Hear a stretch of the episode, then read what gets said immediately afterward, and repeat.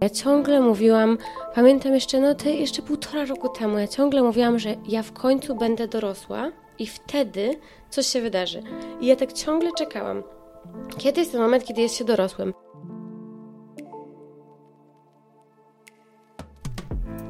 Cześć, nazywam się Ola. Mam 36 lat, normalną pracę, męża i ADHD. I jeśli to, co przed chwilą powiedziałam, wzbudziło Twoją ciekawość, to mam nadzieję, że zostaniesz tu ze mną na chwilę, bo właśnie do takich osób jak Ty chciałabym dotrzeć. Szacuje się, że jakieś 15-20% ludzi na świecie to osoby nieneurotypowe. Tylko, że nie każdy o swojej neuroróżnorodności wie. Jest cała masa kobiet, które od zawsze odczuwają pewien dyskomfort, tylko nie do końca wiedzą, jak go nazwać. I bez świadomości tego, co może być jego źródłem, szarpią się ze sobą i cierpią w milczeniu. Bo o ADHD czy szeroko pojętej neuroróżnorodności u kobiet mówi się zdecydowanie za mało. I bardzo chciałabym, żeby ten stan rzeczy zaczął się powoli zmieniać. No i właśnie dlatego tu jestem. Żeby podzielić się z Tobą moją historią i żeby dopuścić do głosu inne kobiety atypowe, z którymi będę tu rozmawiać. Dzisiaj więc historia mojej kolejnej gościni.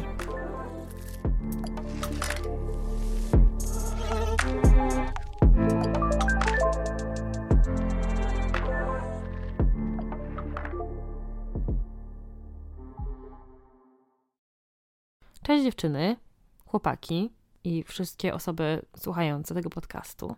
Muszę przyznać, że fajnie jest znów mieć głos i móc do Was zgadać. Tym bardziej, że wracam z naprawdę fajną gościnią. Zresztą pewnie wielu z Was wcale nie trzeba jej nawet przedstawiać, bo moja rozmówczyni działa w internecie już na tyle długo, że zwłaszcza w bańce osób zainteresowanych zdrowiem psychicznym jest bardzo dobrze znana. Hania Sywula, niektórym znana jako Hania S., zaczęła nagrywać na YouTubie już parę ładnych lat temu, a dzisiaj jest nie tylko internetową psychoedukatorką, ale też psycholożką z prawdziwego zdarzenia, bo od niedawna może się pochwalić tytułem magistry psychologii Uniwersytetu Warszawskiego, no i zajmuje się poradnictwem psychologicznym i psychoedukacją. Działania Hani skupione są na popularyzowaniu wiedzy naukowej. Jak sama mówi, to co robi, robi z myślą o tej Hani z przeszłości, która do tej wiedzy dostępu nie miała. Jednym z tych działań było na przykład napisanie książki, w głowie się poprzewracało, która szybko zyskała tytuł bestsellera i za którą przyznano jej nagrodę dziekana Wydziału Psychologii. Link do strony, na której można książkę zamówić, znajdziecie na samym dole w opisie odcinka. Dzięki temu, co robi, Hania pomogła już wielu osobom. Pomogła też i mi. Tak nie bezpośrednio, bo to po obejrzeniu jej filmiku o diagnozie i objawach ADHD Połączyłam kropki i poszłam po pomoc do specjalisty. Między innymi właśnie dlatego też Hania była jedną z pierwszych osób, która przyszła mi do głowy jako gościni, kiedy wpadłam na pomysł nagrywania tego podcastu. A rozmawiamy w tym odcinku, poza oczywiście drogą do diagnozy, o tym, że to właśnie ta diagnoza pozwoliła Hani wreszcie poczuć się dorosłą, mimo że nie potrafiła, mimo najszczerszych chęci i wieloletnich starań, nauczyć się planować i zarządzać sobą w czasie. Gadamy też o tym, jak ważna i potrzebna jest psychoedukacja, ale i o tym, jakie niebezpieczeństwa mogą za nią iść, zwłaszcza kiedy mowa o psychoedukacji w wydaniu TikTokowo-instagramowym. A w związku z tym poruszamy też kwestię tego, jak robić to mądrze i z głową, no i jak działać, żeby wyjść z bańki, w której funkcjonujemy. I jeśli chcecie dowiedzieć się, co Hania ma w tej kwestii do powiedzenia, no to zapraszam Was do wysłuchania naszej rozmowy. Cześć Haniu. Cześć. Słuchaj, ja zawsze zaczynam mhm. od pytania bardzo oczywistego i samo narzucającego się. No bo wiadomo, że zawsze najciekawsza jest e, ta taka droga do diagnozy osób, z którymi rozmawiam, ale ja muszę, bo się uduszę. I to jest coś, o czym przed chwilą rozmawiałyśmy, zanim włączyłam nagrywanie bo ty jesteś po części odpowiedzialna za to całe zamieszanie. Mm. Bo to dzięki twojemu filmikowi na YouTubie, zresztą o ja o tym mówię w pierwszym odcinku mojego podcastu, ja poszłam pod diagnozę no a jakby w konsekwencji tego zaczęłam, zaczęłam nagrywać ten podcast. Powiedz mi, czy ty dostajesz dużo takich wiadomości od osób, które ci mówią: Hania, otworzyłaś mi oczy i dzięki tobie już wiem, wszystko ma sens, dostałam diagnozę, jest wspaniale? Tak, ja jestem też trochę zdziwiona tym, że je dostaję, um, ale tak, tak, zdarza się to i zdarza się to nierzadko. E, osoby piszą faktycznie, że um, no te rzeczy, które w zasadzie ja sama też wcześniej myślałam, czyli że jak to, że jak to można mieć ADHD, jak się jest dorosłym, jak to, jak się nie jest niegrzecznym chłopcem, który biega po klasie i tak dalej. To są te wszystkie myśli, które ja też miałam przy swojej diagnozie. Mm, więc tak, to się zdarza. E, jakoś tak, mm, ja jak się zdiagnozowałam, to poczułam dużą misję, żeby o tym jakoś mówić, jakoś psychoedukować, a z drugiej strony widzę dużo zagrożeń mm, związanych z tym, że objawy ADHD jednak e, są związane z trudnościami, które z jednej strony mają wszyscy po prostu w jakimś stopniu, a z drugiej strony, które mogą być wynikiem różnych innych rzeczy. E, I po prostu tak jak ze wszystkim jest to, jakoś mam w głowie dużo odpowiedzialności i takiego myślenia 10 razy w kontekście wrzucania informacji.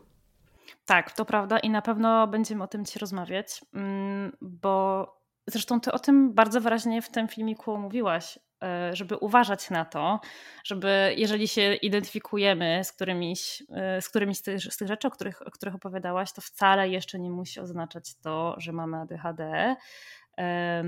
No i takie rzeczy musi zawsze zweryfikować e, specjalista. I rzeczywiście idzie za tym dużo odpowiedzialność, ale ja chyba na razie to odłożę ten, ten temat na półkę, mhm. bo jednak ciekawi mnie to, jak u ciebie to w ogóle było? Bo ty chyba nie opowiadałaś u siebie o tym, jak doszło do tego, że ty na to ADHD zostałaś zdiagnozowana. Tak.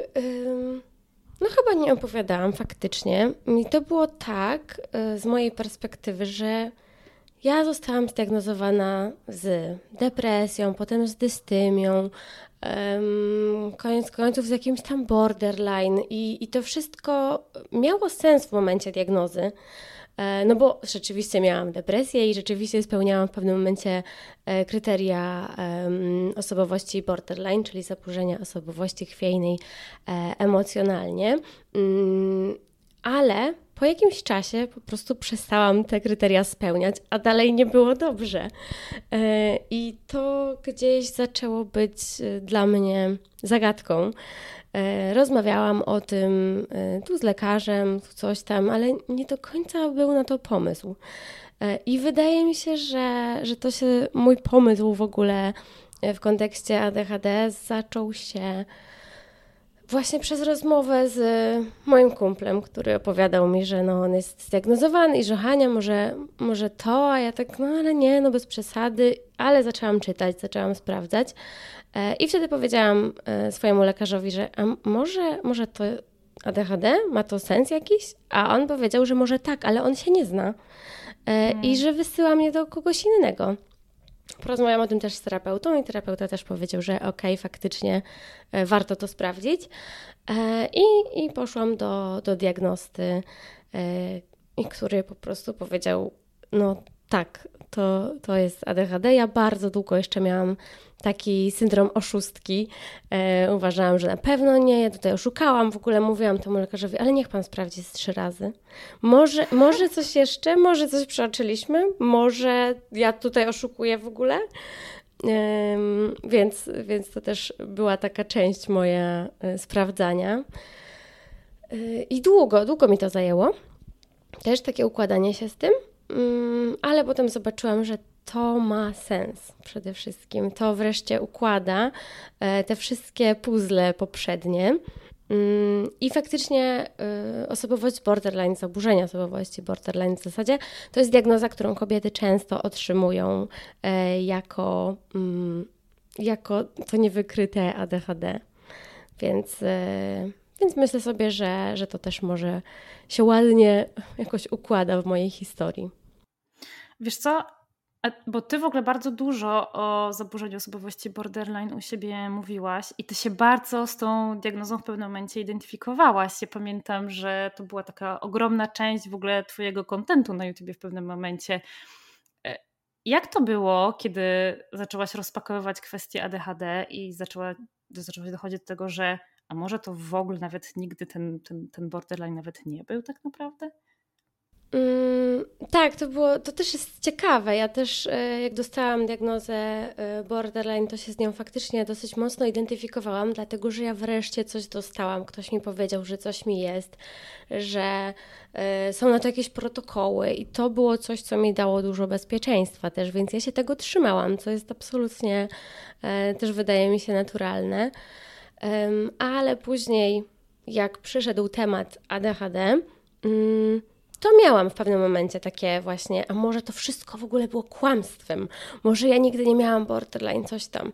E, I tak zaczynałam się zastanawiać, rozkminiać, myśleć, ale doszłam do wniosku, że to nie ma znaczenia tak naprawdę, bo nie wiem tego. Ja mogłam spełniać, bo spełniałam te kryteria po prostu. Mm, I, I wtedy też miałam ADHD, ale mogłam też mieć przy okazji E, te wszystkie części borderline'owe, bo no ja jestem po sześciu i pół roku terapii i, i ta psychoterapia no, absolutnie zmieniła mnie w innego człowieka i, i może jest taka możliwość, że poukładał się ten temat osobowościowy, a po prostu ADHD zostało, no bo zostanie zawsze. I tyle. Mm, nie wiem tego. Jestem już raczej okej okay z tym, że, e, że się nie dowiem, że może wtedy jakby jest taka część, y, była taka część mnie takich myśli, że a gdybym wtedy dostała leczenie pod ADHD, to może w ogóle uniknęłabym wielu, wielu trudności. E, ale tak w sumie myślę sobie, no okej, okay, to co, to za, co, co, za, co mi to teraz da to myślenie? Więc, więc tak. Mm, ale to, to jest takie naturalne też, nie? To jest część tej żałoby, którą my przeżywamy po diagnozie. E, chyba nie znam takiej kobiety, która została zdiagnozowana w dorosłości i nie zastanawiała się nad tym, co by było gdyby, nie? Co by było gdyby jakiś nauczyciel coś wychwycił. No ale prawda jest taka, że w cza czasy, w których my dorastałyśmy, ty jesteś trochę młodsza ode mnie, no ale mimo wszystko to, to, to nie był moment, kiedy, kiedy ta wiedza była na takim poziomie, na jakim teraz jest, a teraz wcale nie jest tak idealnie, umówmy się. Tak, ja myślę sobie, że też... Yy i ja, i ty żyjemy w bardzo fajnej bańce, w której już ta świadomość w ogóle istnieje. E, ja zaczęłam też pracę w gabinecie jako psychoedukatorka, prowadzę psychoedukację ADHD i to też znowu jest bańka osób, które w ogóle idą na psychoedukację ADHD, decydują się e, pójść, w, w, jakby skorzystać z takiej usługi. To już ja kolejny, znowu sobie przypominam, zaplątałam się trochę, że, że to jest bańka, to jest e, jakiś wycinek, to nie jest e, przekrój społeczeństwa. Nie? Tak, ja się cały czas, cały czas muszę sobie też o tym przypominać, bo rzeczywiście łatwo jest tak się zakopać w tym takim myśleniu, że świat wygląda tak jak w tej naszej bańce. I niestety, jak, znaczy niestety, niestety, jak, jak, jak wracam do swojej, w swoje rodzinne strony i rozmawiam z moimi znajomymi, którzy zostali w tej małej miejscowości, to wtedy widzę, jak, jak wygląda świat poza dużymi miastami, które tak naprawdę są takim malutkim wycinkiem tego. I jak tak naprawdę jeszcze mało powszechna jest wiedza o tym, że psychoterapia nie jest tylko dla ludzi, którzy mają naprawdę jakieś ogromne problemy ze, ze sobą, ze swoim zdrowiem psychicznym i nadal te, te, te kwestie zdrowia psychicznego są stygmatyzowane. Domyślam się, że wokół siebie też raczej mało masz takich osób właśnie, które tak myślą. Mm, tak, ja już, ja w ogóle dlatego zaczęłam swoją y, działalność w kwestii zdrowia psychicznego, y, bo, bo ja jakby jestem, pochodzę z środowiska, w którym to absolutnie nie było um, jakimś tematem do rozmowy, psychoterapia, psychiatria, leki, to już w ogóle um, no zupełnie, zupełnie nie, było to, nie był to mój świat. E, I w 2017 roku, kiedy zaczęłam e, swój kanał na YouTubie poświęcony zdrowiu psychicznemu, w 2016, jak pierwszy raz napisałam gdzieś w ogóle o tym, że choruję na depresję, to, y, to ja to zrobiłam dlatego, że nie było takich treści. Więc to jest w ogóle też dla mnie przeciekawe obserwować to, co się dzieje e, w internecie teraz, jak on jest zupełnie różny e, od tego, jaki był no tak naprawdę tylko 5 lat temu, mm, bo było zupełnie inaczej.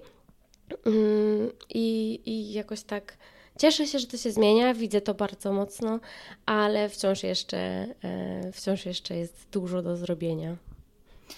E, I ja czasami zastanawiam się i tak rozmawiam z osobami, które prowadzą jakieś takie samorzecznicze, ADHD-owe profile na, na socialach.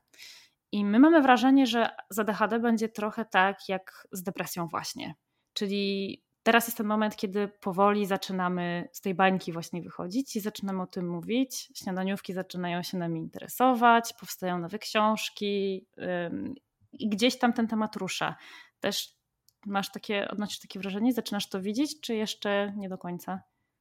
Tak, tak, tak. Myślę sobie, bo ja też y, miałam bardzo dużo stresu związanego z tym, kiedy zaczęłam mówić o, y, o ADHD właśnie z tym, co będzie dalej. No i ja też.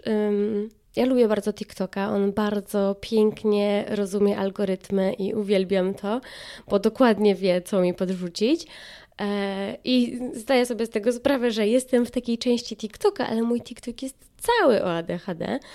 E, I ja zawsze zaglądam w komentarze I po prostu pod każdym TikTokiem czytam te komentarze, za każdym razem, i tam jest masa samodiagnoz, e, masa takich, o ja też tak mam. Mm, I ja powiem szczerze, że jak coś takiego widzę, ktoś pisze, że na przykład pokazuje TikToka, że no znowu nie odpisałam na SMS-y, bo mam ADHD. E, I ludzie piszą, o ja też zapominam odpisywać na SMS-y, też mam ADHD, idę się zdiagnozować. Gdzie jest diagnosta, halo? To we mnie się włącza takie, że mm, no nie, nie wiem jak to nazwać, taka jakaś niezgoda, taki jakiś stres y, związany z tym.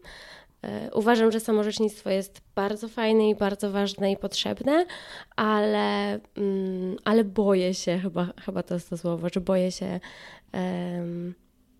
zbagatelizowania tematu, bo zastanawiałam się nawet, dlaczego mi to tak dużo robi. I wydaje mi się, że robi mi to dlatego, że że to sprawia, że przechodzimy z jednej skrajności w drugą, czyli ze skrajności, w której nie widać osób z ADHD i ich trudności nie są zauważane, e, do drugiej skrajności, w której, w której ich trudności znowu nie są zauważane, bo są bagatelizowane. Tak, bo sąd jest taka prosta droga do tego właśnie, że o, ja też czasami nie wyrzucam śmieci, bo mi się nie chce. Wszyscy mają trochę ADHD. Mhm. E, jest to zagrożenie. No i właśnie, kurczę, bo to jest część Twojej codziennej pracy. Jak w takim razie psychoedukować, żeby to było robione, wiesz, z głową i z odpowiedzialnością? Jak, jak gdzie stawiać te granice, wiesz? To jest chyba trudne pytanie, nie wiem jak to w ogóle zacząć rozpakowywać z Tobą po kolei, ale jak Ty się w tym odnajdujesz? Gdzie Ty te granice mhm. stawiasz? Y Wiesz co, wydaje mi się, że bardzo trudno jest odpowiedzieć na to pytanie i ja nie jestem chyba wystarczająco kompetentna, e, żeby e, odpowiedzieć i żeby podać jakieś reguły w ogóle, bo nie ma ich, nikt ich nie spisał jeszcze. Um, tak mi się przynajmniej wydaje, przynajmniej ja ich nie widziałam. Wiesz, bardziej chodzi o to, jak ty to czujesz, nie? Tak. Jak to u tak. ciebie wygląda. Tak, tak. Yy, rozumiem, ja tylko jakby chcę tak powiedzieć, że ja nie mam gotowej odpowiedzi.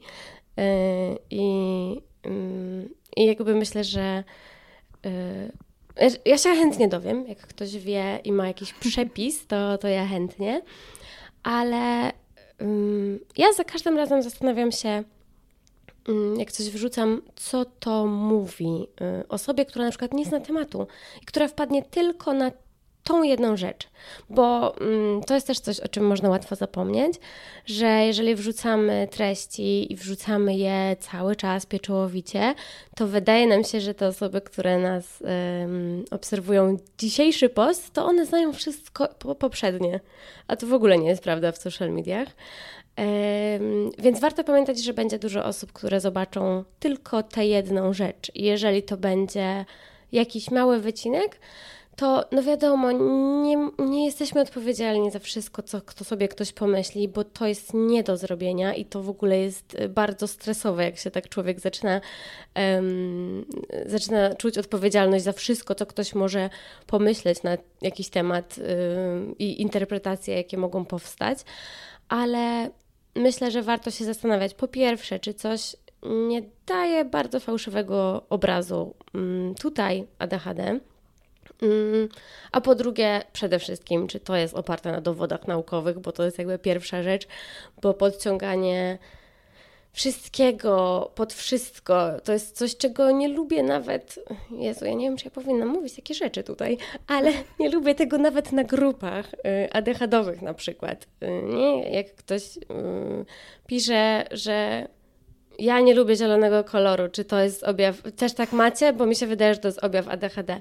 No, ja, ja, ja wtedy, Boże Święty, ja nie mogę w ogóle, bo wtedy właśnie znowu mam, mam wrażenie, że idziemy w stronę mm, absolutnego bagatelizowania i robienia zupełnej nieprawdy z tematu, który jest jednak ważny. Tak, i to też prowadzi do tego, że właśnie, że zwłaszcza na TikToku mam wrażenie, że widzimy tę taką wesołą, śmieszną stronę ADHD, że o, ktoś coś zapomina, ktoś cały czas się obija o meble. Natomiast prawda jest taka, że nasze życie to często jest codzienna walka ze sobą o to, żeby, wiesz, żeby, żeby robić to, co sobie zaplanowaliśmy. E, wiesz, mamy problem z dysregulacją emocji. To są, to są bardzo poważne rzeczy. Często my się borykamy jeszcze z depresją dodatkowo, z, z lękami. I mam wrażenie, że tego trochę mniej na TikToku się pokazuje, a właśnie więcej jest tych takich zabawnych wycinków naszego życia. Mm, tak, pewnie tak. Chociaż to też jest y, na pewno po prostu kwestia social mediów i tego, co, y, co lubi się oglądać i co lubi się klikać. E, I na pewno zabawne obijanie się o meble jest po prostu e, bardziej interesujące niż e, jakieś tam zaburzenia współwystępujące, a których jest faktycznie bardzo często bardzo wiele. One się, się mnożą i, i są. I tak, nie wiem, skupiłam się. Ale tak, faktycznie ja też mam trochę Mm, taką niezgodę, znaczy już powoli zaczynam akceptować, że to nie do końca jest tak, że wszyscy mają tak jak ja e, w kontekście e, tego nazywania ADHD supermocą. Dla mnie to jest absolutnie szalone mm, i absolutnie nigdy bym tak go nie nazwała, ale już powoli dochodzę do tego, że no przecież wiemy o tym, że to jest super zindywidualizowane zaburzenie i czy neuroatypowość, y, jak, y, jak lubimy to nazywać. I, I są osoby, które faktycznie mają tak ułożone życie i takie objawy, że to dla nich będzie raczej y, super moc w ich życiu, w ich ułożeniu. Nie? Dla mnie nie jest i nie wiem, czy kiedyś będzie. Myślę, że nie.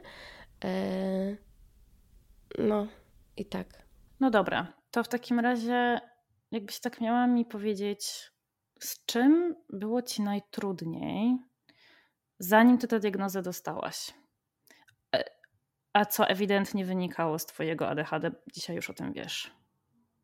Mm. To nie musi być jedna rzecz, to może być jakaś taka grupa rzeczy, z którymi po prostu było ci ciężko. Mhm. Um, myślę, że z czuciem się po prostu nie taką, jak powinnam być, bo nie jestem, no bo nie spełniam tych wymagań, które nasze społeczeństwo chciałoby, żebym spełniała. Um, I to dla mnie to głównie było um, i zarządzanie sobą w czasie, i pamiętanie o rzeczach, i bycie taką ogarniętą osobą. Ja ciągle mówiłam, pamiętam jeszcze, no to jeszcze półtora roku temu, ja ciągle mówiłam, że ja w końcu będę dorosła i wtedy coś się wydarzy. I ja tak ciągle czekałam. Kiedy jest ten moment, kiedy jest się dorosłym? I ja ci powiem, że ja sobie wkręciłam, że to jest wtedy, kiedy się rodzi dziecko. Bo w, w, ogóle nie wiem, dlaczego ja to widziałam, ale wydawało mi się po prostu, że wszystkie matki to już jakoś tak ogarniają, bo one potrafią po prostu na przykład gotować i widzicie, ogarniać te trzy rzeczy, które się dzieją naraz. Nie? Ja mogę gotować, spoko, ale po kolei to się musi dziać. Yy, bo nie mogę, jak tu jedna rzecz jest ciepła i za chwilę druga, to jest już mnie, jakby ja się wyłączam. A miałam wrażenie, że Mamy tak nigdy nie mają, jak są matkami, bo ja po prostu nie znałam tych innych matek, nie? W sensie, mm, przecież moja reprezentacja matek to są ze trzy osoby, yy, więc moje, moje, moje jakby ludzie wokół to nie są zazwyczaj matki. Yy, więc ja myślałam, a moja mama jest super w gotowaniu, więc ja myślałam, że po prostu wtedy jest się takim człowiekiem, kiedy się ogarnia i nie tylko gotowanie, tylko ogólnie rzeczy. Po prostu, że jest się ogarniętym, więc pomyślałam, może wtedy będę dorosła. E, może wtedy w końcu coś tam, w końcu zacznę pamiętać, co jest kiedy, w końcu zacznę móc realizować swoje plany, bo ja miałam duży problem właśnie z tym, że ja kocham planować, ja kocham te wszystkie planery, zakreślacze, ja wydaję na to po prostu tyle pieniędzy, że już, już się trochę opanowałam, ale ja to uwielbiam. Yy, tylko mi nigdy nie wychodziło realizowanie tego. Ja przeczytałam, no po prostu masę książek o planowaniu, o produktywności, o zarządzaniu czasem, znaczy sobą w czasie, bo czasem nie można zarządzać i w ogóle wszystkim. I ciągle mi to nie wychodziło. A ja znałam te wszystkie triki. Więc ja miałam tak, o co chodzi? Dlaczego ja nie mogę być tym normalnym człowiekiem, który coś przeczyta, się dowie i to zastosuje? Tylko co się tam dzieje pomiędzy? I po prostu czułam się jakaś zepsuta, jakaś nie taka. Y, I bardzo mi w tym pomogła diagnoza. To jest ta rzecz, którą chyba najbardziej we mnie diagnoza zmieniła, że ja już się czuję dorosła, ja już się czuję ok z tym, że ja nie ogarniam po prostu tych, jeżeli dużo rzeczy się dzieje naraz, y, w tym gotowaniu na przykład, no to po prostu ja tego nie ogarniam i jestem ok z konsekwencjami. No Jezu, albo coś będzie zimne, albo zrobię coś inaczej i tyle. Mm, a nie ciągle czekam, aż ja wreszcie się tego nauczę, mm, bo jestem ok z tym, że się nie nauczę. E, I też e, z kwestią właśnie zarządzania czasem i swoim życiem. Ja też trzy lata temu zmieniłam psychoterapeutę i poszłam do terapeuty i pamiętam, że pierwsze zdania, które tam powiedziałam, to to, że mój problem jest taki, że życie się dzieje poza mną. Mm, że to nie jest moje życie, że ja e, po prostu jakby tam przyszłam z totalnym cierpieniem i w depresji, e, bo mówiłam, że jestem jak taka meduza w oceanie życia, która, e, ja nie wiem, że to jest prawda jak coś, to przepraszam, jeżeli kłamię, ale miałam takie przekonanie, że meduza trochę nie ma wpływu na to, gdzie popłynie, bo trochę ją ten prąd tak miota i po prostu co się wydarzy, to co, co ona po prostu jest taka reaktywna, a nie proaktywna. I, I jakby ja przyszłam, powiedziałam to, że jestem tą mentuzą i że mój duży problem jest z prokrastynacją, z tym, że w ogóle nie ogarniam czasu. E, I z tym, że po prostu czuję, że to życie nie jest moje i że nie mogę sobie ufać, bo ja sobie coś zaplanuję, sobie coś powiem, a potem tego nie robię i po prostu traci się to moje połączenie ze sobą. E, I najpierw próbowaliśmy oczywiście nad tym pracować w związku z i technikami behawioralnymi i coś tam, e, i z depresją przy okazji, z tymi przekonaniami o tym, że muszę wszystko i muszę dokładnie tak, jak sobie wymyśliłam. Ale to wszystko, e, to wszystko się wydarzyło i dalej coś nie było tak, jak powinno być. I kiedy ogarnęłam, że to jest ADHDowe, że to jest ten temat, kiedy jakby bardzo wdrożyłam się w, w temat ADHD, w psychoedukację, w rozumienie tematu. Temat był w tym zdaniu z 30 razy już, przepraszam, ale, yy, ale jak to ogarnęłam, yy, i potem ogarniałam leczenie, chociaż u mnie dobieranie leków trwało rok, więc to było bardzo trudne, nie przyszło mi łatwo. To, to zrozumiałam, że po prostu tak jest ok. I odpowiadając na pytanie tym przydługim rozgadaniem się, to co to, to jest ten objaw, który, który zawsze był i który teraz wiem, że jest ADHD i w którym diagnoza mi bardzo pomogła. A powiedz mi, o właśnie, no bo powiedziałaś, że bardzo długo u ciebie trwało dobieranie odpowiedniego leczenia. Czy były takie momenty, bo to jest, mam wrażenie, że to jest taki kawałek, który dotyczy całkiem sporej grupy osób, bo my na początku mamy takie przekonanie, że dostaniemy receptę, to jest magiczna tableteczka, my sobie tę tableteczkę weźmiemy i nagle wszystko stanie się takie łatwe i po prostu będziemy umieli w życie. A bardzo często tak nie jest. Znaczy, są takie szczęśliwe osoby, które tak rzeczywiście reagują i super, gratuluję im, ale, ale ja słyszałam raczej sporo innych przypadków. E, czy były takie momenty, że zaczęłaś wątpić w to, że w ogóle to się da ogarnąć? Oj tak, na pewno. Yy, no, ja w to wątpiłam od początku, jeszcze zanim poszłam na diagnozę. Yy, jak najbardziej. Yy, to było dla mnie raczej z kawałka takiego, no może się uda, ale raczej nie. To było takie, ok, sprawdźmy. No i ci nie udawało, więc to było dla mnie trudne, że to nie szło tak jak na tej grupie, co ludzie piszą, że wziąć tabletkę jest super. To u mnie w ogóle nie, tylko, tylko było gorzej.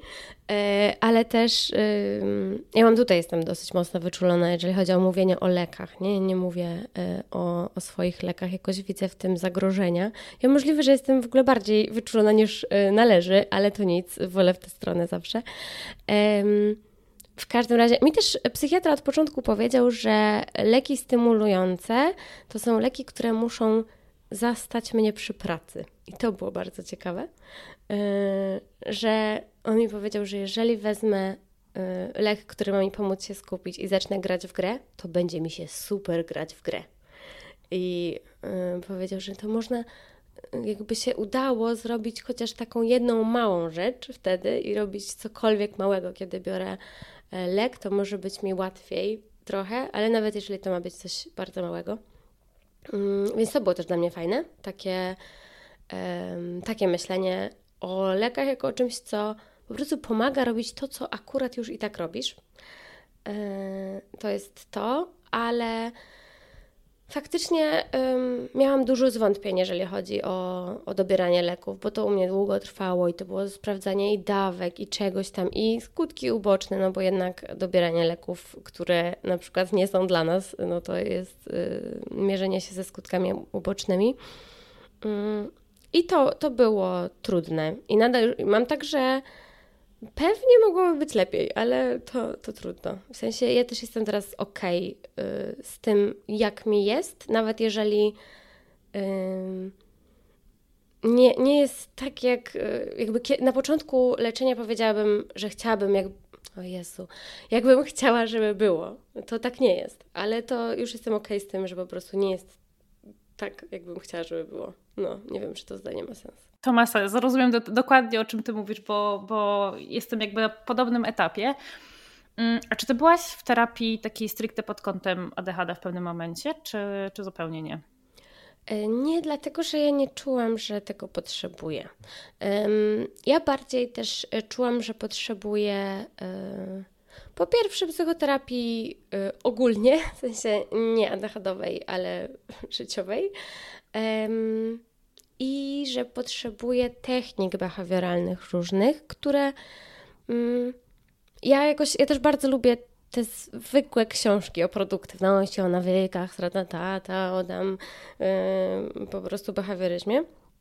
Yy, więc ja ich używam, yy, ale mm, ja też no, mam tutaj dosyć dużą świadomość tego, co, co jest ok, zastosuję, a co, że muszę sobie powiedzieć, to mi się może nie udać, bo to jest coś, co na przykład super pomaga osobom neurotypowym i jest dla nich super, a ja muszę sobie to obciąć o połowę. Jak jest y, technika Pomodoro, super. Ona jest 25 minut y, działania, 5 minut przerwy, super, albo 50-10. Y, jasne, to wszystko działa i u mnie też działa, ale czasem muszę ustawić to na 10 minut i to jest ok. A czasem jest myślenie, że, że tym Pomodoro pójdzie 5 godzin, a idzie jedną i to też jest okay, no i jakoś taką bardziej tutaj widzę potrzebę elastyczności, w sensie mm, ja robię tak, że ja korzystam bardzo chętnie z tych rzeczy, które są po prostu ogólnie dostępne, a nie stricte pod ADHD e, i je sobie modyfikuję gdzieś pod siebie. E, a czy jakby, albo inaczej, kiedy zdałaś sobie sprawę z tego, że ty nigdy już nie nauczysz się funkcjonować tak jak osoba neurotypowa, bo domyślam się, że też musiałaś przejść przez ten taki etap myślenia, że no dobra, mam diagnozę, mam leki, e, zaczynam wdrażać nowe techniki radzenia sobie i teraz to już będę funkcjonować tak jak wszyscy wokół. Pamiętasz ten moment, kiedy tak sobie zdałaś sprawę, że jednak tak nie będzie? Czy to był jednak taki długi proces i trudno jest tak wskazać na konkretny moment? Hmm. E, myślę, że to był raczej proces. E, ja w ogóle tak się zastanawiam. No na pewno nie mam momentu, ale to jest w ogóle też super, bo ja wszystko zapominam. Więc ja w ogóle mogłam mieć jakieś takie olśnienie i ja go już nie pamiętam. Ale dlatego piszę dziennik od jakichś 10 lat. Ja już widzę, że to jest super rzecz, którą ja robię dla już od po dawna, pewnie nie od 10, tylko 15, że ja sobie czasem wracam do tych dzienników, bo ja wtedy mogę zobaczyć, jak wygląda moje życie. Ale... Mm, Myślę, że przechodziłam taką żałobę po tym właśnie, że no po prostu nigdy nie będę tą osobą, którą tak się staram stać od dawna. E, I dlatego ja przecież mam te, jestem jakimś frikiem produktywności, e, bo, bo zawsze chciałam do tego dotrzeć wreszcie, a po prostu już mam takie, okej, okay, rozumiem dlaczego ten temat mnie interesował, więc nadal mnie interesuje, ale nigdy tam nie dotrę. I Mm, to na pewno było trudne. I w ogóle nadal mi się zdarza, że y, ostatnio, ostatnio miałam tak, że osoba z rodziny mi powiedziała: Hania, no ale ty przecież w dzieciństwie to nie byłaś taka nieogarnięta i dobrze się uczyłaś i w ogóle, więc mm, czy ty naprawdę masz to ADHD? I ja wtedy pomyślałam, może nie mam, może, może ja mogłabym być normalna, a po prostu wybrałam nie być, nie? Bo sobie po prostu wymyśliłam, Jezu, to jest w ogóle straszne, że mimo, że ja już to wszystko sobie niby przerobiłam i zamknęłam, to zdarza się jeszcze, że, że gdzieś ktoś mi może podegrać y, tą rolę z, y, oszusta i, i, ja mogę się w nią wkręcić. Y, więc to mi się wydaje, że jest taka trudna część też, y, ale, ale zazwyczaj przez większość czasu i większość życia już jestem ok z tym. Mm, i przeszłam tę taką, yy, taką żałobę, że muszę się dostosować do tego, jak mam i tyle. Chciałam Cię zapytać o to, czy to jeszcze wraca falami czasami, bo ja dosłownie dzisiaj rano miałam taki moment, e, jak miałam wziąć lek, pomyślałam sobie, a może ja po prostu lubię sobie przyćpać moje tableteczki. Wcale nie mam tego ADHD, tylko ja to wszystko tak sobie zmyślnie e, zagrałam. Dostałam te, dostałam te diagnozy po to, żeby dostać te tabletki, bo tak mi się, bo tak mi, bo tak mi fajnie po nich jest. Mhm. I co? Jest faktycznie super? Tak, jest wspaniale, jest wspaniale. E, życzę wszystkim takiego samopoczucia. E, ale wiesz, te myśli wracają. Mhm. I zastanawiam się, czy tak już zawsze będzie. Czy wiesz, w wieku 50 lat nadal będę sobie od czasu do czasu zadawać to pytanie? No, a jeśli będziesz, to co? No, bo ja też mam takie, że no, a jeśli będę już zawsze tak się zastanawiać raz na jakiś czas, no to, no to w sumie pytanie, czy ja już na przykład mam tak, no okej, okay, no to po prostu tak będzie. Też mam już jakoś... Yy, tak ostatnio taką zgodę na to, że po prostu czasem mam takie dni, które muszę wyjąć z kalendarza. No i trudno, w sensie zrobić absolutne minimum. Um, i myślę sobie też, że wszyscy tak mają. To jest właśnie ta kwestia, którą ja zawsze chcę powtarzać. Nie, że to nie jest tak, że tylko osoby z ADHD mają gorsze dni. No na tak. to już w ogóle brzmi okropnie. E, ale, ale no to jest wszystko. Um, znaczy uważam, że to jest bardzo trudne, ale elastyczność taka super pomaga, tylko że ja też mam świadomość, że gdyby mi to powiedział ktoś te półtora roku temu, y, to by mi to nic nie dało. Ja potrzebowałam tego czasu i tego procesu i tego zanurzenia się w to, y, żeby się z tym poukładać. Więc też jeżeli ktoś, kto tego słucha, jest w takim momencie niezgody i żałoby, to ja bym powiedziała, y, to idź dalej. W sensie po prostu jesteś na dobrej drodze najwyraźniej. To jest naturalny etap takiego smutku. I i po przesłuchaniu tego podcastu raczej to się nie wydarzy, że to zniknie nagle. Nie, że to po prostu. Ja też zawsze um, zastanawiam się, że gdyby mi to wtedy ktoś powiedział, to powiedziałabym: OK, fajnie, ale co z tego? Bo po prostu niektóre rzeczy trzeba przeżyć, tak jak żałobę. Tak, tak. Yy, I wiesz, co mi pomaga?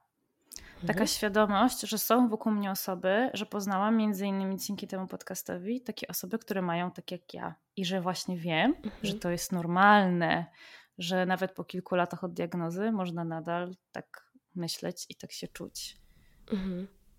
Tak, tak, to jest zawsze pokrzepiające. A ty masz takie rzeczy, które tak cię uziemiają i tak ci pomagają w takich sytuacjach trudniejszych, kiedy przychodzą te takie gorsze dni? Albo gorsze tygodnie?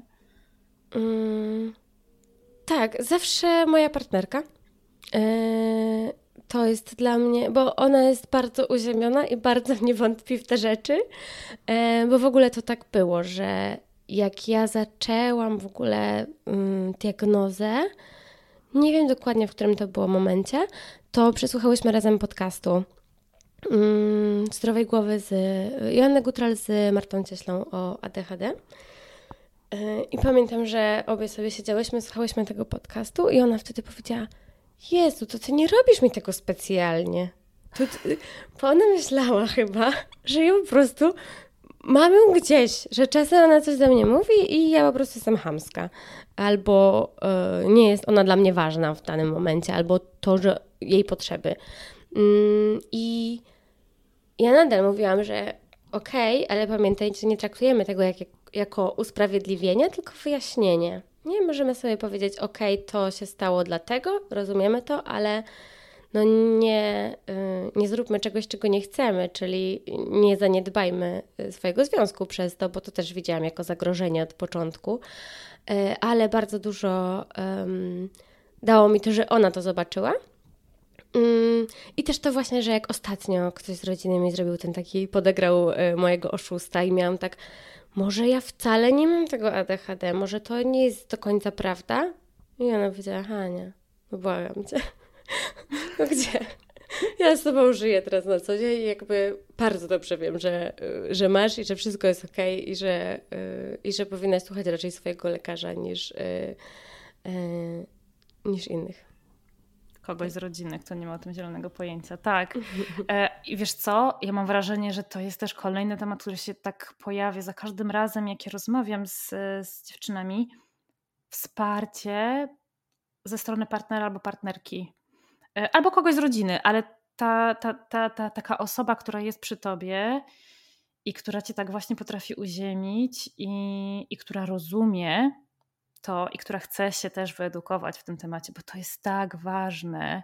I wczoraj, co było wczoraj? Czwartek, tak. Wczoraj um, okazał się odcinek, w którym rozmawiałam z Anią Dławichowską, która mówi o tym, że dla niej właśnie, akurat w tym momencie, w którym nagrywałyśmy tę rozmowę, najtrudniejsze było to, że ona nie miała takiej osoby i ona widziała te ogromne różnice w, w tym, jak radziła sobie bez tej drugiej połówki, a jak a jak radziła sobie kiedyś, będąc w zdrowych, w zdrowych relacjach, nie? I to jest, kurczę, to jest taki duży, ważny kawałek. Mhm. No tak, tak, to prawda. No ja odkąd mam diagnozę, to jestem w stałym związku, więc nie mam tego porównania. E, a wcześniej żyłam e, albo jako nastolatka, albo z inną diagnozą, więc też moje, e, moje życie jest trochę pod tym względem w sensie jak tak się przypatrzę, to też było dosyć ciekawe, mm, ale, ale faktycznie no, mi to bardzo pomaga i bardzo mnie wspiera. A z takich, z takich jeszcze rzeczy uziemiających to to ja mam wokół siebie bardzo wyedukowane, bardzo mądre, psychologiczne głowy, no bo jednak e, jestem w środowisku takim mocno psychologicznym e, i, i stąd też czuję, że jestem taka skąpana w wyrozumiałości. Czy to przeszkadza, że mój kot miałczy? Czy to jest się nagrywa, czy nie? Nie wiem. Wiesz co, przed chwilą, przed chwilą dopiero usłyszałam, a wcześniej nie słyszałam, więc nie wiem. Zobaczymy. No, ma jakieś żałosne miałki. Takie yy, te głośne, jakby się coś działo, a to kłamstwo. To jest e, podcast cut friendly, także wszystko jest okej. Okay. yy, tak, więc... Aha, wiem. Yy, mam wokół super wyrozumiałych ludzi, Mm, więc ja gdzieś tak. To jest gdzieś tam bardzo wspierające. Osoby są ok, rozumiem Twoje trudności. Co możemy zrobić, żeby było łatwiej z tym i żeby było nam łatwiej, bo nie wiem, kontakty międzyludzkie, coś tam.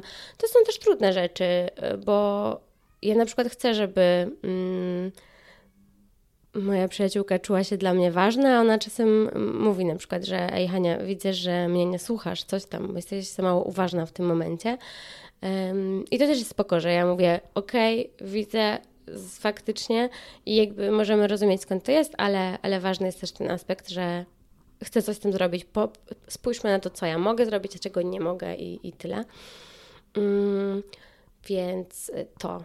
No i... Yy, ja już chyba trochę odlatuję, ale mam w głowie też takie rzeczy, że mi bardzo pomagają. Takie różne no, techniki yy, body doublingu, czyli, yy, czyli jakoś tak bycia z drugą osobą, ale nie tylko w sumie fizycznie, tylko też rozliczania się. To już, to już chyba nie wiem, czy może być liczone jako body doubling, bo chyba z definicji nie jest, ale, ale też takiego yy, rozliczania się, gdzieś tego mm, że mam osobę, której mogę powiedzieć, moje potrzeby są takie, powiedz mi, jakie są Twoje i zobaczmy, czy możemy sobie jakoś e, pomóc. Czyli w sumie to jest takie szukanie rozwiązań i sposobów radzenia konkretnie pod siebie i pod swoje trudności.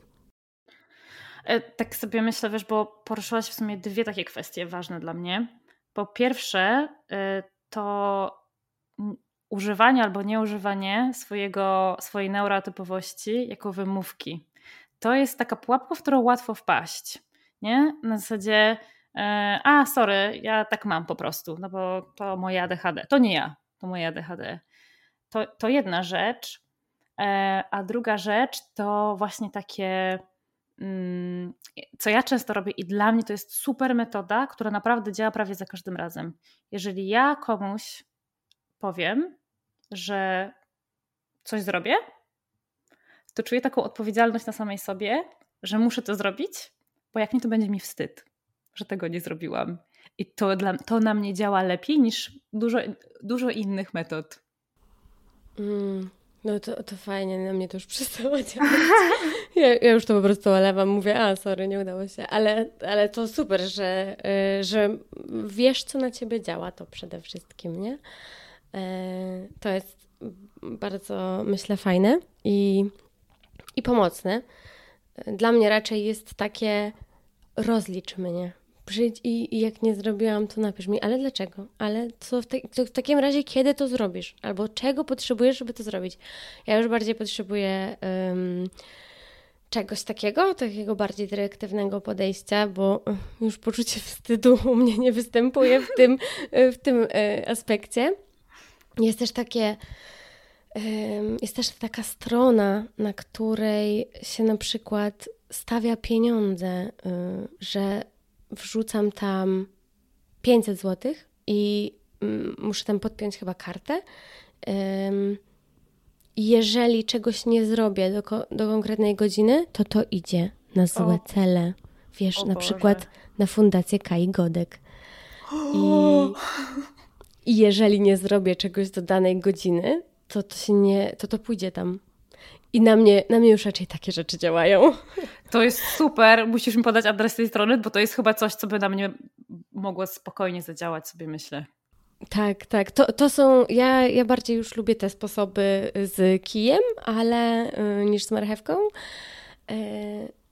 Ale no wiadomo, to trzeba sprawdzić, co na kogo jak działa, bo wiem, że to wiele osób mogłoby tak sparaliżować, że nic by nie zrobiło.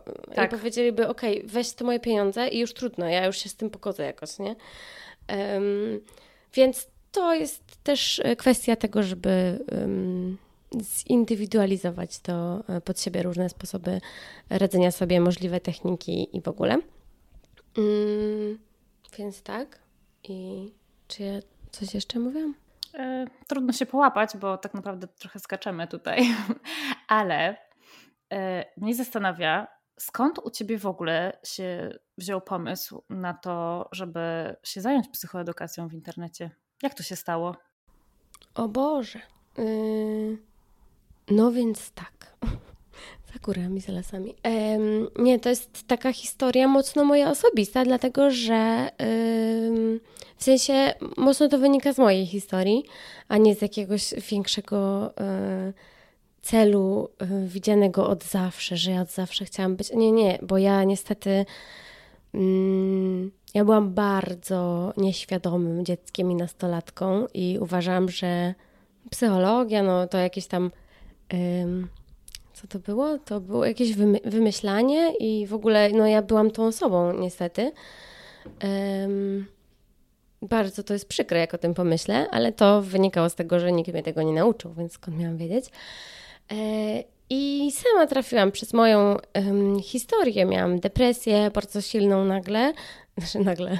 E, I um, trafiłam jakby w, w wir leczenia i to było dla mnie straszne i strasznie trudne, że tutaj ja, która miała po prostu zawsze szóstki i zawsze ogarnięta i była sportowczynią i miała coś tam i studiowała mechanikę i budowę maszyn, miała być takim ogarniętym człowiekiem, ja tu nagle po prostu nie mam siły.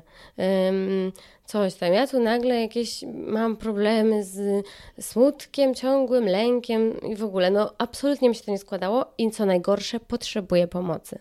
Co oznaczało dla mnie dokładnie to samo, co jestem y, do niczego, przegrałam życie. Y, I długo było mi z tym ciężko. I to też był taki kawałek, no ja miałam ile wtedy? 18-19 lat. Um, I ja nie mówiłam o tym mojej rodzinie, bo ja wiedziałam, że to, um, że to nie przejdzie, że to też, no jakby, że to się nie spotka z, z jakąś super wyrozumiałością. Mm, więc też czułam się z tym mocno sama, a miałam wśród na przykład swoich przyjaciółek osoby, którym pewnie mogłam powiedzieć i powiedziałam po jakimś czasie, ale bałam się ich oceny, więc byłam z tym zupełnie taka, y, czułam, że, y, że oto ja sama przegryw. Y, no, i właśnie tak mniej więcej wyglądało wtedy moje życie. Później był jeszcze e, szpital i mocne takie kryzysy życiowe, psychiczne. I wtedy zaczęłam się dowiadywać o wszystkim, o tym, czym są emocje, czym są myśli, jak to działa, dlaczego, że można sobie nie radzić, że um, kryzys psychiczny nie oznacza, że y, jest się po prostu beznadziejnym człowiekiem. I te wszystkie rzeczy, które teraz są dla mnie oczywiste, wtedy były dla mnie największymi odkryciami. Um, I poczułam w sobie ogrom złości, że nikt mi tego nie powiedział że tego nie wiedziałam, że to było niedostępne dla mnie e, i że ja przeżyłam mm, wtedy tak, taki czas strasznego biczowania się i strasznej niezgody. Chociaż nie musiałam, w sensie mogłabym mieć ten zasób, tę wiedzę, która by mnie przed tym uchroniła. I dlatego z tego wkurzenia, myślę, że wkurzenie to jest w ogóle super siła napędowa. E, I, I ta moja złość sprawiła, że powiedziałam: OK, to ja zacznę to robić, ja będę o tym mówić, bo tak jak też Ci mówiłam w tamtym czasie, e, nie było tego w internecie za dużo. Mm, naprawdę były. Ja znałam po prostu jeden profil o psychoedukacji i w ogóle o psychologii. I to była chyba wtedy, chyba wtedy znałam tylko zdrową głowę. Ale to też to były, to było raczej z pozycji ekspertek. Nie? nie, nie znałam za bardzo samorzecznictwa i mówienia ej, to ja mam problem. Ja wiedziałam o depresji tyle, że pamiętam, że była jakaś gazeta i na stronie tytułowej było, że Olaf Lubaszenko ma depresję. E, I to było wszystko, co ja wiedziałam o depresji. E, z jakiegoś faktu, czy wiesz, jakiegoś takiego kolorowego magazynu po prostu. E, zaraz obok tego, komu było widać majtki na jakimś tak. czerwonym dywanie. Więc ja po prostu stwierdziłam, o nie, ja to, ja to będę robić dla młodszej Hani. I młodsza Hania się tego dowie. I, I tak zaczęłam i tak to robię dalej, bo poczułam w tym mega zajawę. Zainspirowało mnie to totalnie. E, zaczęłam studiować psychologię, jest 5 lat później, już jestem psycholożką e, i totalnie ten temat mnie nadal fascynuje. A jak sobie myślę o najtrudniejszym odbiorcy, e, czy w tym momencie na przykład jakby w kontekście pracy o najtrudniejszej pacjentce, to zawsze, zawsze mam w głowie siebie tą siebie osiemnastoletnią, która przychodzi taka z założonymi rękami, tak no tak, no ale co pan może? Ma pan, taka, właśnie ja byłam taka, no niestety, no to co, co pan, co pan może? Pa, pogadać ze mną? No błagam. Jakieś emocje? No, no błagam. Proszę mnie wyleczyć, ja chcę stąd wyjść i znowu być nowa i żebym nie musiała tylko nic zmieniać w swoim życiu, tylko żeby było tak jak wcześniej. Yy, więc to jest gdzieś dla mnie zawsze inspirujące i zawsze jak coś... Jakoś piszę, dodaję, to Boże, jak to się szybko dzieje, jak szybko mam w głowie głos tej po prostu jeszcze cynicznej mnie, która wszędzie widziała takie, um, jakiś pic na wodę, jakieś oszukaństwo po prostu. I to, że no, no to, to jest w ogóle głupie, to jest wymówka właśnie. I to było z moim ADHD na początku, że ja miałam ciągle takie, mm, wymówka, mm, no no tak, a jakieś twarde dowody? Jakiś obraz mózgu może, żeby to było narysowane? Nie, to, to jeszcze by może przeszło, ale tak, to, to wymówka. I co, w takim razie to pewnie ja teraz chcę nic nie robić w domu, wszystko zwalić na moją partnerkę yy, i, i się zasłaniać ciągle ADHD. I powiedziałam to mojemu terapeucie, pamiętam, a on wtedy powiedział, naprawdę? Chciałaby tak pani? Naprawdę pani to zrobi? Tak, nie. nie. Przecież nie zrobiłabym tego. W sensie przecież w ogóle tego się właśnie bałam, bo nie zrobiłabym tego. No. Ale to niesamowite, jaką ty drogę przeszłaś przez tych kilka lat, wcale nie tak długich tak naprawdę. I, i czy masz takie poczucie, że było coś, co ci tak w tym najbardziej pomogło? Jesteś w stanie wskazać? Czy to po prostu był cały zbiór i znowu proces? No kurczę, psychoterapia. Hmm. To, to tak brzmi, no, no, przykro mi, ale naprawdę. Yy, jest to, no w sensie nie jest to super polecenie czegoś, co jest łatwe, dostępne dla wszystkich i, yy, i jakieś takie yy, usystematyzowane mocniej, nie? Bo, bo to nie jest protokół, to nie jest książka, to nie jest ćwiczenie tylko właśnie to, co mi pomogło, to był proces. Ja powiem Ci szczerze, że ja teraz jestem cały czas zdziwiona, że jest mi w życiu tak dobrze. Jestem absolutnie cały czas zadziwiona. Też dlatego, że ja nigdy takiego życia nie znałam. W sensie, e, ja też jako nastolatka nigdy nie byłam tak, żeby było dłuższy czas mi dobrze. E, a teraz tak ciągle czekałam, aż to się zepsuje i w końcu tak mówię, kurczę, już długo czekam, to już chyba już nie trzeba czekać. Więc, yy, więc tak. I dlatego też skończyłam proces psychoterapii, co, co było też szalone. W moim odczuciu szalone to jest właśnie to słowo, które się do tego yy, łączy, ale tak, no psychoterapia proces cały, relacja terapeutyczna. Ja uważam, że relacja terapeutyczna była dla mnie absolutnie dużo ważniejsza e, niż techniki, skrypty, e, zadania, techniki poznawcze, behawioralne. One wszystkie są super ważne i mega mi pomogły. Ale też dlatego mówię o psychoterapii, a nie o książkach, podręcznikach czy technikach, bo, bo relacja jest tylko w psychoterapii. Bo teraz zastanawiam się tak. Mm, no bo zdecydowałaś się jednak pójść w stronę psychoedukacji. No i to jest też to, czym zajmujesz się poza, poza socialami, zawodowo, na etacie, mhm. od niedawna. Mhm. W gabinecie, tak. E, Co czujesz, że ta psychoedukacja ci takiego daje, że jednak to, to był twój wybór? Um, to znaczy, um, znaczy, po pierwsze, um, bardzo dużo mi psychoedukacja dała. Więc ja po prostu jakoś tak mam do niej duży sentyment. E, poza tym ja bardzo lubię konkrety, a psychoedukacja to są konkrety. To są bardzo realne rzeczy, których można się dowiedzieć, i one we mnie bardzo dużo zmieniły, bardzo dużo poukładały, i po jakimś czasie jakby dla mnie okazały się niewystarczające. Y, nie? Jakby to też serio mówię, że psychoedukacja to nie było wszystko, co mi wystarczyło, ale było niezbędne, żeby mogło się zadziać wszystko inne. Um, więc mi psychoedukacja bardzo dużo dała, bardzo dużo pomogła. Um, uważam, że jest to podstawa zupełna. E, że jest to no, po prostu jak tabliczka mnożenia, że to mm, nawet ważniejsze, że, że tego się trzeba, yy, że jestem też matematycznym freakiem, więc potem przypomniało mi się, że przecież ludzie zwykle, nie, to nie jest tak, że wszyscy potrzebują tabliczki mnożenia w życiu i że wszyscy to lubią, yy, a psychoedukację yy, wszyscy potrzebują i bardzo łatwo ją lubić, no. Yy, jednak jakoś tak to jest bardzo życiowe. Ale tak, mam dużą misję w kontekście psychoedukacji, właśnie dlatego, że ja tej psychoedukacji nie miałam. I co robisz, żeby trafić do takich osób jak ta Hania z przeszłości? Żeby właśnie wyjść z tej bańki, w której my tak siedzimy? Jest na to jakiś sposób? O Jezu, co to za pytanie? Ja nie wiem. Ja nie wiem. Bo ja nie wiem, czy ja ci umiem odpowiedzieć. Yy, chętnie bym powiedziała, ale... Mm,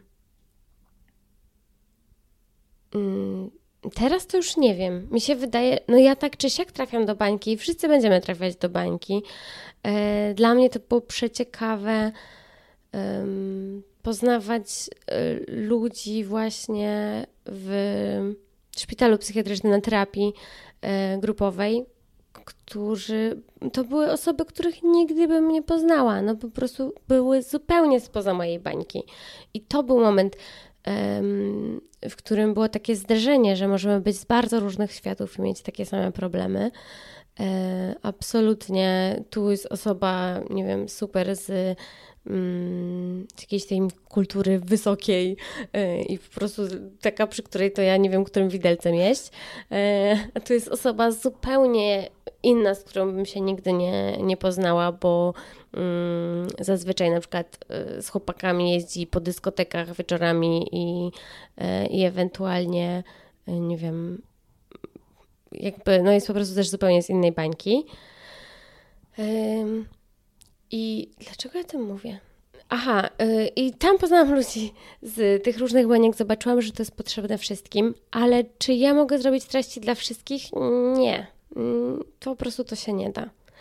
E, ja też jestem, e, to też jest moja rzecz, że ja uważam, że ja z czasem po prostu, stając się starsza, przechodząc w inne etapy życia i tak dalej, będę trafiać też do trochę innych osób. E, I, I to jest zupełnie naturalne, bo też ludzie dorastają ze mną. W ogóle to jest przyśmieszne. Ostatnio ktoś mi pisał, że oglądał mnie jak był w gimnazjum, a teraz jest już wiesz, dorosły i coś tam i ma dziecko na przykład, nie? I ja tak, what? Że to było 5 lat tylko, jak to, jak to się wydarzyło, nie? Mm, ale, ale to, to jest jedno, że ludzie y, dorastają, a z drugiej strony to też... Y, w ogóle nie odpowiedziałam na Twoje pytanie. W ogóle. W sensie w ogóle to nie jest odpowiedź. Ja mówię zupełnie o innych rzeczach, ale to trudno. Um, ale to też jest ciekawe. tak, tak. Ja, y, ja jestem tą osobą, która zwykle mówi halo, nie pamiętasz jakie było pytanie? Ja ci powtórzę, więc po tym jak ja nie odpowiadam, to zawsze mam takie, aha nie, to nie jest odpowiedź na pytanie. To, to nie jest to. Mówisz dookoła. Faktycznie ciekawe rzeczy, ale nie to. Um, za dużo, za dużo matury, po prostu pisania na maturze, nie? Że trzeba było dokładnie odpowiedzieć na pytanie. Yy, No, więc nie, nie trafimy ze swoimi. Można robić, myślę sobie, treści ym, w konkretny sposób, żeby trafić do konkretnych ludzi. W sensie, możesz robić memy i wtedy trafisz do osób młodszych albo bardziej śmieszkowatych, albo coś tam. Możesz robić poważne treści, coś tam. Ja mam różowe włosy i tatuaże. To już sprawia, że yy, nawet jeżeli ktoś by chciał się do mnie zapisać na przykład na psychoedukację i zobaczy moje zdjęcie przy zapisie, to będą osoby, które się nie zapiszą, bo uważają, że tatuaże y, są tylko dla ludzi z więzienia, bo są tacy ludzie i tyle. No i po prostu też jestem z tym ok.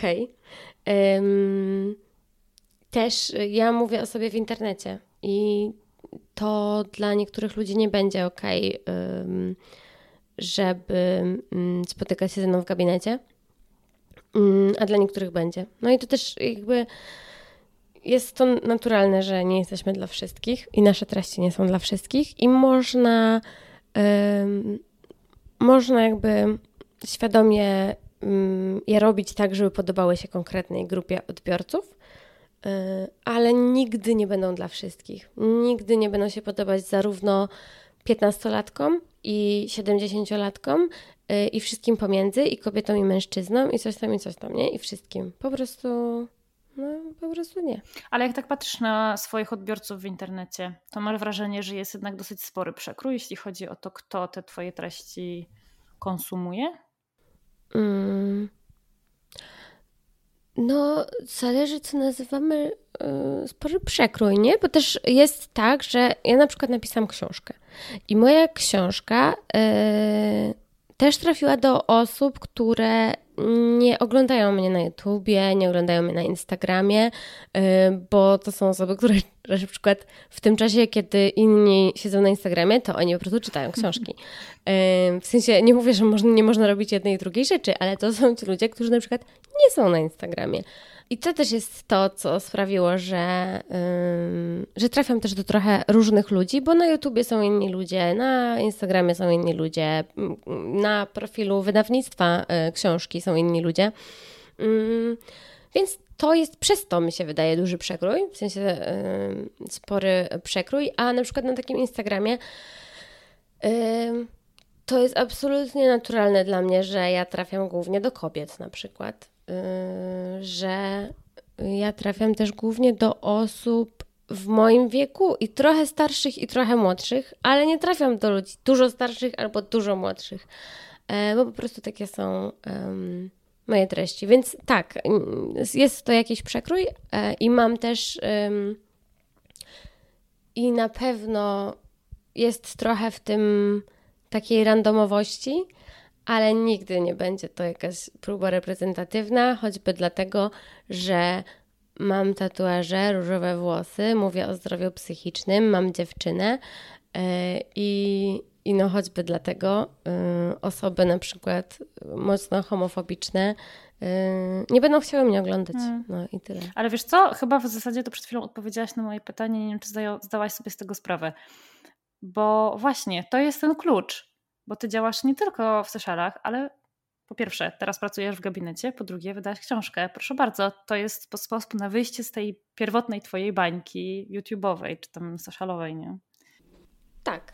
Y, myślę, że tędy, tędy trochę wyszłam. Wyszłam trochę przez y, przez książkę, którą pisałam mocno z myślą o tym, że chcę, żeby to nie była książka fanowska, nie, żeby to nie była książka o moim życiu, moja biografia, która, autobiografia, która interesuje tylko ludzi, którzy po prostu mnie lubią. Tylko żeby ludzi, którzy absolutnie nie wiedzą, kim jest ta typiara, um, też stwierdzili, że po prostu to jest dobra książka i mogą z niej coś wynieść. E, książka się nazywa W głowie się poprzewracało, w sensie nie nazywa się tylko ma tytuł e, i jest o zdrowiu psychicznym. I można ją kupić tylko na haniaalt.pl. Bardzo istotna informacja. Podlinkujemy, podlinkujemy. E, a ciekawi mnie taka rzecz. Nie musisz odpowiadać na to pytanie, ale możesz. Mm. Czy był taki moment w Twojej działalności na socialach znowu, bo tutaj jakby na tym się skupiam, kiedy poczułaś, że, że wjechała ci taka, takie skupienie na zasięgach, na tym, jak ci idzie, na statystykach. E, to jest bardzo ciekawe. Na początku mi trochę wjechała. Mhm. Na samym początku, jak dobijałam do tam 10 tysięcy subskrypcji, pamiętam, pierwsze te, to, to było po prostu takie jaranie się. E, ale to jest o tyle ciekawe, że mi dosyć mało to wjeżdża, dlatego że mojej dziewczynie wjeżdża. że e, moja partnerka zawsze więcej, lepiej wie, ile ja aktualnie mam followersów niż ja. Y, bo po prostu y, ona to sprawdza, ona lubi liczby i tak dalej. I ona tak mówi, no Hania, weź zrób jeszcze, zrób teraz pomysł o jakimś fajnym poście, żeby coś tam, żeby dobić do tego, żeby tutaj, Hania, że już niedługo będzie na przykład 70 tysięcy na Instagramie i coś. Ja mówię, daj mi spokój, nie? Jakby weź przestań, co to ma za znaczenie? Um, i no już też przestała, bo ja jej powiedziałam w końcu, daj mi, daj mi spokój, jak chcesz to ty sama zrób, nie? Konto i sobie tak rozwijaj, ale mi się po prostu nie chce. Um, ale, y, ale chyba przez to właśnie, że ona lubi te liczby, to y, ja miałam tak, że mm, nie. Ale na, na, pewno to jest kuszące i na pewno na pewno się to sprawdza. Też kiedy się to staje pracą i się nie wiem, zarabia na tym i się dowozi liczby dla klientów, no to to e, sprawdza się to, wie się te rzeczy, nie? Ale, ale jakoś tak bez przesady. Jest taki bardzo fajny, znaczy jakby nigdy nie poczułam, że to mi zabrało radość, ale też nie jest tak na przykład, że nie myślę o tym, nie? jak coś robię, czy coś się spodoba, bo po prostu to też y, wiem i jakoś tak kojarzę, czy, y, czy to zażrę, czy nie zażrę, ale też często po prostu robię rzeczy, które wiem, że chcę, a, a po prostu wydaje mi się, że nie będą mieć fajnego odbioru, no ale trudno. Y, no, myślę, że myślę, że można w to wpaść, ale ale jakoś tak chyba udało mi się bez przesady, jakoś tak nie wpaść w to, nie wiem. Tak mi się przynajmniej wydaje. Może ktoś, yy, no nie wiem, może muszę spytać kogoś, czy, czy to prawda. Myślę, że to, co mówisz, jest wystarczającym świadectwem tego, że, że może niekoniecznie. Nie, bo zastanawiałam się, bo to mam wrażenie, yy, że to może być takie niebezpieczne w kontekście naszego ADHD, takie zafiksowanie się na czymś mocno i dążenie do jakiegoś konkretnego celu dla, dla, dla kogoś, kto działa w socialach, to może być, wiesz, dojście do jakiejś konkretnej e, liczby e, obserwujących na przykład. Mhm. Tak, może tak. Nie, ja raczej. Yy, ja raczej na przykład sobie wymyśliłam, że na moim Instagramie to też widziałam, że masz taką siatkę, że kurde, co, będą dwa zdjęcia, a trzecie to będzie graficzki. Ja pierdzielę, jakie to jest trudne. Dla mnie to, w sensie, że ja akurat chcę sobie coś wrzucić, patrzę i mówię, Boże, teraz nie mogę, nie, teraz trzeba zrobić to. Co coś takiego wymyśliłam, to to jest dla mnie gorsze. um, ale, ale tak, y, albo z takich rzeczy ADHD-owych na przykład i tworzeniu treści, to ja mam często poczucie, że coś mi odjeżdża i ucieka. Yy, I na przykład tak jest z TikTokiem, że ja nigdy na niego nie weszłam, a pewnie powinnam, coś tam. I mam takie, dobra, już, już nie i tyle. A że, yy, że to odjeżdża i zaraz ucieknie i już nie będzie, bo tam teraz jest publika i tam jeszcze, jeszcze niedawno było tak, że po prostu tam, yy, nie wiem jak jest teraz, ale że tam łatwo można sobie na przykład yy, żyć i działać i w ogóle, a no, więc to są takie rzeczy. Ja, ja po prostu też się często muszę sobie usiąść i tak fair się pogodzić, że okej, okay, to co ja będę robić, a czego nie będę robić, bo nie mogę wszystkiego. Tak samo mm, no, na YouTubie nie można robić i takich filmów, i sragich, owakich, i wszystkiego. I też nie można na przykład... Yy, nie wiem, opowiadać o niektórych rzeczach i na przykład pracować w gabinecie, bo po prostu te rzeczy się też wykluczają. Też są takie rzeczy, które gdzieś trzeba po prostu rozkminić. No i jest jeszcze kolejne niebezpieczeństwo takiego spędzania dużej ilości czasu e, w, w socialach i to jest przestymulowanie, które jest podwójnie niebezpieczne dla nas. A, to ja bardzo jestem przestymulowana i i bardzo szukam ciągle na to sposobów, w sensie super sposobem jest to, żeby zacząć poranek od niskiej dopaminy, w sensie od aktywności, które nie dają szybkich fast foodów dopaminowych, czyli po prostu mm, od TikToka, nie? Bo jak się rano zacznie oglądać TikToka, Instagrama i coś tam i będą mi wyskakiwać nam co chwilę nowe TikToki i dawać co chwilę nową dopaminę, to potem y, robienie prania jest jeszcze trudniejsze, bo ta przepaść nie, jest okropna i ogromna. I zmuszenie się do rzeczy jest po prostu tym trudniejsze. To jest absolutnie oczywiste i wydaje się to yy, łatwe. Yy, ale ale ogarnięcie tego nie, jest trudne, kiedy ma się y, jakieś takie rzeczy, że się nawet nie zdąży pomyśleć i już się jest rano na Instagramie. Nie? Tym bardziej, że jeżeli się pracuje na Instagramie na przykład, no to już w ogóle to jest też myślę, że dosyć duża pułapka, którą sama zrobiłam. Um, ale więc to jest rzecz, albo ja miałam dosyć duży problem z tym, że nie chodziłam spać, bo wieczorem na przykład potrafiłam do czwartej oglądać jakieś rzeczy i to zupełnie niepotrzebne, nie jakieś mądre, znaczy nie jakieś, y, nie że pracowałam, tylko robiłam głupoty.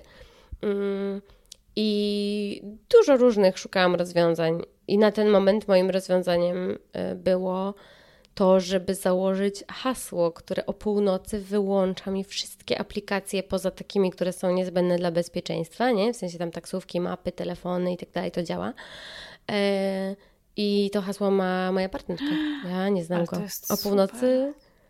Tak, to jest super. A z drugiej strony sobie myślę, yy, że jakbyśmy się pokłóciły, to ona może po prostu mi nie zblokować nigdy telefonu. Znaczy, bo ja po prostu mogę, czasem jak mamy jakiś tam jest weekend czy coś i sobie siedzimy dłużej, to ja po prostu do niej idę i mówię, wpiszesz mi kod na 15 minut i ja sobie mogę wtedy 15 minut jeszcze oglądać coś. E, no to jest sposób, który wymyśliłam e, jakiś czas temu i on tak ze mną został, po prostu u mnie działa. Mm. No, więc są, są różne sposoby na to i mogłabym też tak zrobić, żeby właśnie na przykład Instagram nie działał do 12, yy, ale jeszcze nie mam mentalnej gotowości na, na takie hardkorowe rozwiązanie. A masz jakieś takie swoje rytuały rano, tuż po przebudzeniu się, właśnie żeby zapobiec temu, żeby tak od razu sięgnąć po ten telefon i włączyć TikToka, Instagrama? Bardzo bym chciała Ci powiedzieć, że mam, ale nie mam. Um, Rozczarowałaś w sensie, mnie. tak, to prawda. Yy, znaczy szukam ich cały czas. Trochę, yy, ja też trochę jestem, yy, ja widzę, że ja to jestem trochę za bardzo krytyczna wobec siebie, bo to nie do końca tak, że zupełnie nic, ale yy, no mam też takie zasady na przykład, że TikTok oglądam tylko wieczorem yy, i to akurat u mnie działa, więc spoko. Yy, to akurat faktycznie się dzieje ale rano no przeszłam na taki tradycyjny budzik. No wiesz, to są te wszystkie rzeczy, które po prostu każdy tak. mówi. Zupełnie nudne. Czyli taki budzik, który nie jest telefonem. Ym, I wtedy można zrobić taką szalną rzecz, żeby telefon nie spał z nami w sypialni, tylko żeby był gdzieś indziej. Na przykład przy ekspresie do kawy albo przy lekach. No, więc to są takie sposoby, których szukam.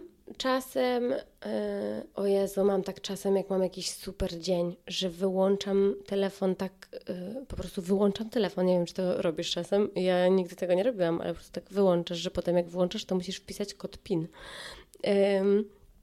I wyłączam i wtedy jak wstaję rano, to automatycznie go sięg- po niego sięgam, a on nie działa, bo on jest wyłączony. Bardzo dziwna rzecz i wtedy po prostu nie chce mi się nawet czekać tych trzech sekund, aż się włączy, więc już idę, wstaję czy coś. O, ale są sposoby, które mam. Jednak są. Mm, wiem, co robię. Wyłączam, w iPhone jest ta opcja, nie wiem jak z Androidem, yy, włączam na czarno-biały ekran, w sensie kolory, tak. nie, nie mam kolorów, nie mam kolorów tak, tak. Yy, i to sprawia, że, yy, czekaj, wytłumaczę, żeby było wiadomo o co chodzi. Yy, jak po prostu telefon jest jakby wszystko, co się na nim wyświetla, jest w filtrze czarno-białym, więc jest nudne. Jest bardzo takie płaskie i nieinteresujące. Y, więc zdarza mi się na przykład włączyć y, czarno-biały telefon wieczorem i wtedy rano, jak po niego sięgam, to mam takie, y, ale nudna, odstawiam. I apka, którą bardzo lubię. Nazywa się OneSec chyba. Po, powinno się tak nazywać. To jest dosyć jakby logiczne, żeby się tak nazywała. Poczekaj, sprawdzę, żeby nie, nie kłamać. Tak, OneSec. Um, I y, w darmowej opcji można ustawić to na jedną aplikację. Jak się zapłaci, to na więcej. Ale um, sprawia to, że na przykład dla mnie Instagram jest problematyczny i że jak chcesz wejść na Instagram, to musisz poczekać na przykład sekundę, albo trzy, albo dziesięć, jak se ustawisz. E, to na iPhone działa, nie wiem jak z Androidem. I trzeba czekać. I przecież wtedy okazuje się, że większość tych razy, jak wchodzisz, to jest bezmyślne. I już jak ci się włącza, tam jest takie, jeszcze się animacja włącza, że masz oddychać, że jest takie, mm, wiesz, wdech i wydech. I Jezu, jak się zaczyna ten wdech, to masz takie, Jezu, po co ja tu wlazłam i wychodzę z tego. E, więc to też jest rzecz, która mi trochę utrudnia mm, siedzenie w social mediach, ale to też ma złą stronę, bo e, to się e, oddychać każe, jak się wchodzi na social media, więc czasem jak wejdziesz już na ten Instagram, to masz takie, dobra, to nie wychodzę, bo jak wyjdę, to znowu będę musiała oddychać. Więc to jest śmieszne, że to jest tak, dobra, to już zostanę tu dłużej. Boże, my zawsze znajdziemy jakieś obejście, czego, czego, czego się nie da. E, no dobra, no to masz te swoje sposoby na to, żeby gdzieś tam spróbować przynajmniej ograniczać e, ten czas, który spędzasz na socialach. A jak sobie radzisz z informacją zwrotną, która nie zawsze jest pozytywna, zwłaszcza jak się ma duże zasięgi? A, yy, znaczy no tak, yy, nie jest, ale spoko se radzę. Yy, w sensie, dla mnie to jest... Yy, hmm ja to traktuję trochę tak, y, jak ktoś mi pisze hamskie rzeczy, nie? Że jestem gruba, brzydka, głupia, niedouczona, walnięta, coś tam. Y, to ja to traktuję tak, jakby ktoś mi napisał, że jestem krzesłem. Po prostu nie jestem. W sensie, jakby ktoś mi napisał, że jestem krzesłem, to bym stwierdziła, że nie ma racji, nie? Że przecież wiem, że nie jestem krzesłem, tylko człowiekiem. Y, więc czemu mam się tym przejmować? No więc się nie przejmuję. W sensie y, to nie jest rada. To nie jest rada, nie przejmuj się. Ale akurat ja mm, mam sobie z tym dosyć duży luz. Aczkolwiek, jeżeli na przykład y, mam z czymś trudność, mam jakiś kompleks i ktoś mi go wytknie, no to jest trudne. Tylko, że no jakoś tak ja sobie Myślę, że przede wszystkim uprawomocniam. Na przykład mówię sobie, no to może być dla mnie trudne i to mi pomaga zawsze. Wystarczy, że sobie powiem, mm, no to niemiło ktoś napisał, no to może być trudne. Albo, yy, no najgorzej, jak ktoś, ktoś mi wytknie błąd i ja wiem, że to był błąd, nie? W sensie nie lubię tego, no bo wtedy mówię sobie, no Haniu, musimy wziąć odpowiedzialność za swoje zachowanie i powiedzieć, masz rację, popełniłam błąd. To się też zdarza, no bo jest ludzkie albo mm, no, jakieś takie rzeczy, ale też no ja dosyć długo działam w internecie, więc jestem mocno też wyczulona już teraz na to, co się może wydarzyć i co mogę przewidzieć, nie? Co, co się zadzieje. Mm, jakie rzeczy będą mieć konsekwencje, więc, więc to też prawda. Ale jak wrzuciłam treści, nie wiem, o ja mam na swoim kanale trochę filmów o tematyce y, LGBT. To tam się zawsze wylewa jakiś, jakieś szambo, jakiś hejt. I tam się zawsze wylewają komentarze okropne i y, obrzydliwe. To mnie w ogóle nie rusza. W sensie w żadnym stopniu. Y, bo po prostu w ogóle nie czuję, żeby to było o mnie i czymś, co, co miałoby być jakieś do przejmowania się, nie? Ale to tak zawsze miałaś, czujesz? Czy to jednak przyszło z czasem i z taką dojrzałością, której nabrałaś właśnie dzięki temu, że tak długo już działasz? Hmm. Bo ja tak sobie myślę o tym, że wiesz, my jesteśmy znowu podwójnie narażone, narażeni na mm, taką wrażliwość na krytykę. Mhm. Mm. Tak, ja myślę, że ja na początku miałam w ogóle taką swoją część yy, siebie, w której yy, jak byłam właśnie, no bo ja zaczęłam działać w internecie, jak miałam co, no tak naprawdę to ja miałam 19 mm. lat, bo ja zaczynałam od jakichś tam e, innych rzeczy. I ja wtedy miałam taką część, ludzie są głupi. Ja tak uważałam, że ludzie są po prostu głupi. Więc czemu ja się, wtedy to, czemu ja się miałam przejmować, skoro ludzie są głupi? No to wszystko, co oni piszą, też jest głupie. Więc ja wtedy z tego kawałka miałam, że się nie przejmowałam. Yy, no zależy, jak ktoś miał rację, to się przejmowałam. Ale mm, takie komentarze hejterskie wtedy mnie nie obchodziły, bo uważałam, że to przez to, że ludzie są po prostu głupi. A potem już przeszło to w moją w dojrzałość.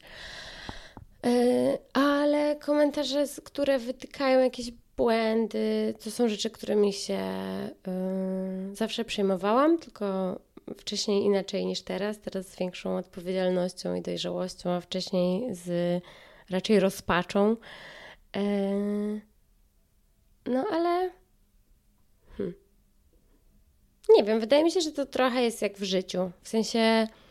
Mm, Wydaje mi się, że to jest absolutnie normalne, że się przejmujemy tym, co inni ludzie o nas myślą. To by było dziwne, gdybyśmy się nie przejmowali. W sensie potrzeba akceptacji i przynależności jest absolutnie niezbędna. W sensie potrzeba jest niezbędna, nie. E, realizowanie tej potrzeby e, jest niezbędne nam do życia. Um, więc też no, mi to tak jakoś dużo układa, jak sobie powiem, że no, to jest normalne, tutaj się trzeba ojojać na przykład, a tutaj, a czasem i to jest dla mnie gorsze i trudniejsze w sensie, jak trzeba powiedzieć, ups, no, źle zrobiłam, trzeba wziąć odpowiedzialność, trzeba przeprosić, trzeba, nie wiem, coś tam, nie? W sensie zdarza się, że komuś coś powiem i potem takie, u, to nie, to nie było fajne. Eee, to tak jak w życiu po prostu, tak samo jak po prostu popełnia jakiś błąd i trzeba po prostu, po prostu, po prostu wziąć odpowiedzialność. No to to jest z kawałka, które też mają absolutnie wszyscy. A czujesz, że twoje ADHD bardziej ci pomaga w tym, co robisz? Czy jednak trochę ci przeszkadza? Czy gdzieś tam, gdzieś tam trochę tego, trochę tego, a ty już nauczyłaś się brać z jednego i z drugiego? Mm. Wiesz co, fajnie by było odpowiedzieć Ci y, jednym słowem, pomaga albo przeszkadza, ale y, przeszkadza mi bardzo, bardzo mi przeszkadza, dlatego że y, ja miałam już zrobić tyle fajnych rzeczy, których nie zrobiłam po prostu nigdy i które mogłabym im zrobić taki cmentarz, cmentarz rzeczy, których nie zrobiłam, a które by super sprawiły, że byłabym w zupełnie innym miejscu niż jestem, nie? W sensie robiłabym dużo fajniejsze rzeczy, y, znaczy fajniejsze, dużo więcej fajnych rzeczy. Um, więc na pewno mi przeszkadza ADHD. Nie jestem regularna i nie byłam, byłam na początku tylko, bo wtedy byłam totalnie sfokusowana na tym i dodawałam dwa filmy w tygodniu na YouTube'a i coś tam, miałam super harmonogram i się go trzymałam. Yy, no to tego nie mam teraz, a to, no, to super pomaga. To jest bardzo ważne w tworzeniu treści, a nie jestem regularna na przykład. Yy, mogłam stworzy stworzyć już masę więcej treści, masę więcej fajnych rzeczy, produkty, coś tam. Yy, I tutaj ADHD mi nie pozwoliło. Yy, ale czy pomaga? Yy, no jakoś na pewno chociaż ja też, no pewnie bardziej przeszkadza, ale nie wiem, jakby było, gdybym nie miała. E, umiem sobie wyobrazić, e, ile miałabym trudności z zarządzaniem czasem, jakbym e, nie miała ADHD, bo jakoś tak mogę to jakoś wywnioskować mniej więcej. A nie umiem wymyślić, jaka bym była, czy bym była kreatywna, czy bym miała te pomysły, czy by mi się chciało, um, czy bym chciała się skupiać na tylu rzeczach naraz, bo to też jest y, tak, że jak ja y, byłam na diagnozie, no i psychiatra mnie pytał, gdzie pracuję, coś tam, co robię, no to powiedział, że ja sobie super dobrałam pracę pod, e, pod ADHD, no bo robię różne rzeczy, one się zmieniają, e, raz YouTube, raz Instagram, raz to, raz tamto, no taka forma, inna, to jest ogólnie faktycznie bardzo fajne i tutaj e, pewnie ADHD po prostu pomaga mi, hmm, czy pomaga, no po prostu Po prostu to jest to pole, w którym ADHD dobrze działa. Y, jest dużo dopaminy, jest dużo zmienności i takich, takich fajnych rzeczy, ale, ale nie wiem, jakby było bez tego, bo może, może zupełnie też mogłabym robić te rzeczy i byłoby też spoko. No więc nie wiem. Nie, nie chcę też, nie lubię takiego, że no, osoby z ADHD są kreatywne, a te bez ADHD to po prostu w ogóle nie, nie? I oni mogą robić tylko nudne rzeczy w życiu, bo oni nie mogą być kreatywni, no. Ach, strasznie mnie to Ale tak jak wspomniałaś, jesteś daleka mimo wszystko od takiego myślenia o ADHD jako supermocy.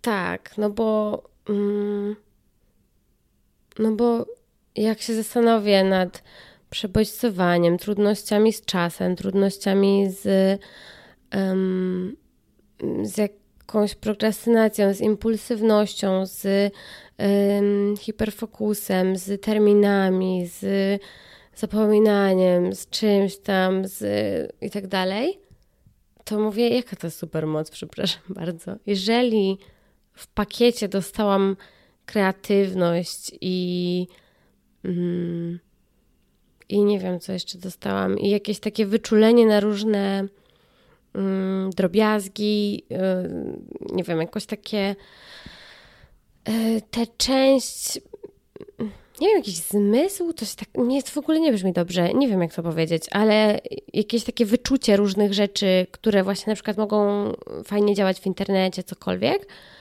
yy, no to czy to jest supermoc yy, z takim kosztem? To no, jakby nie sądzę. Ja chętnie bym oddała chyba. Właśnie chciałam zapytać, jak gdyby ktoś ci zaoferował taką wymianę. Zabieramy to wszystko, co ci utrudnia życie, ale też zabieramy ci tę kreatywność, to takie wyczucie. To co, zamieniłabyś się? Mm, znaczy, no wiesz co, to, to jest takie pytanie, że ja bym chętnie teraz odpowiedziała w sumie, że no oddałabym, a tak naprawdę no skąd ja mam wiedzieć? ja nie, nie wiem, jakby się żyło bez tego, yy, bo nie mam żadnego porównania. No nie wiem, nie? Pewnie yy, raczej się też nad tym nie zastanawiam, bo, yy, bo, bo nie oddam tego nigdy, bo tak jest i tyle. Yy, no i tak się żyje. Nie? W sensie będziemy tak żyć zawsze, więc, yy, więc to w sumie nie ma znaczenia. Czyli co, jakoś tak się polubiłaś z tym swoim ADHD na tyle, na ile musiałaś i mogłaś?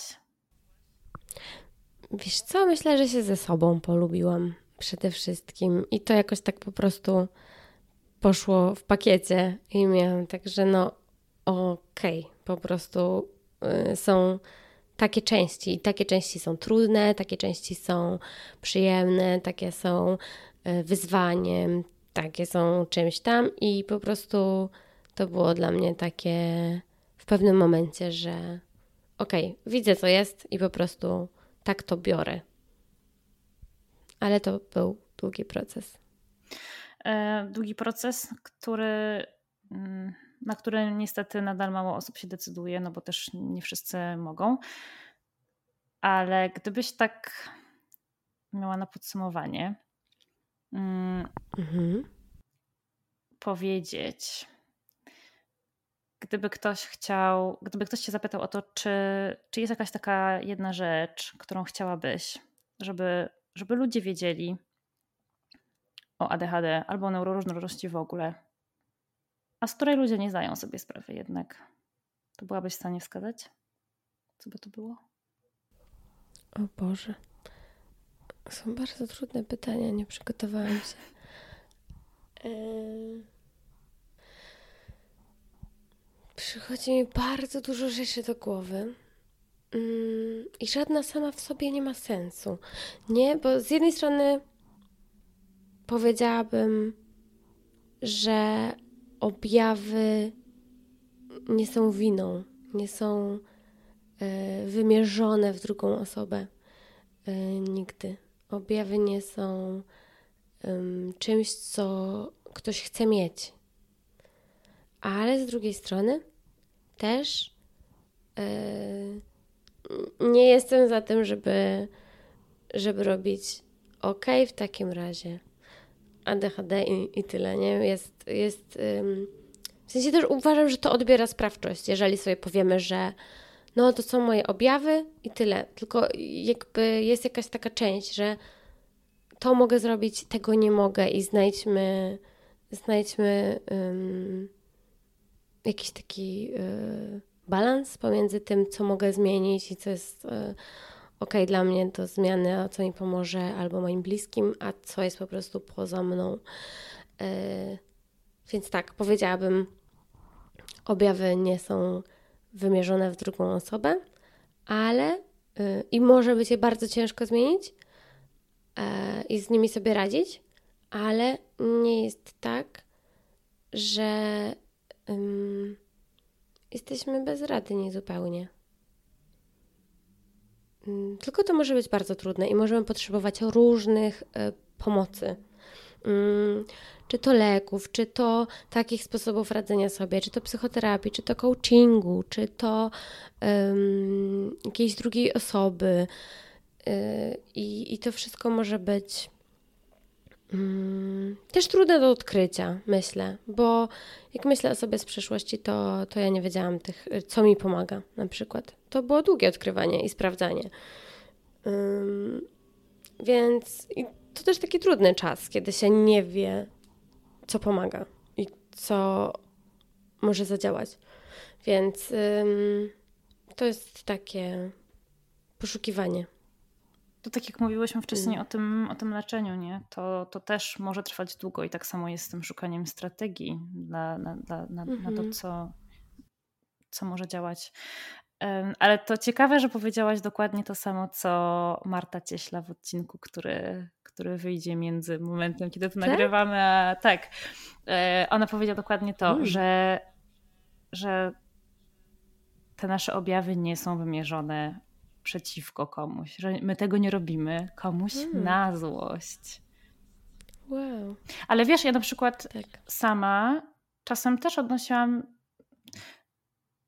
zastanawiałam się nad tym, czy to jest tak, że ja jestem nieuważną przyjaciółką, że ja nie pamiętam o urodzinach, że ja nie pamiętam to, co ktoś mi powiedział kilka dni temu. E, I dopiero zrozumienie tego, że to jest po prostu spowodowane tym, że mój mózg funkcjonuje mhm. tak, jak funkcjonuje, a że ja tego nie robię, wiesz, na złość albo, albo mhm. specjalnie. Tak, tak, to prawda.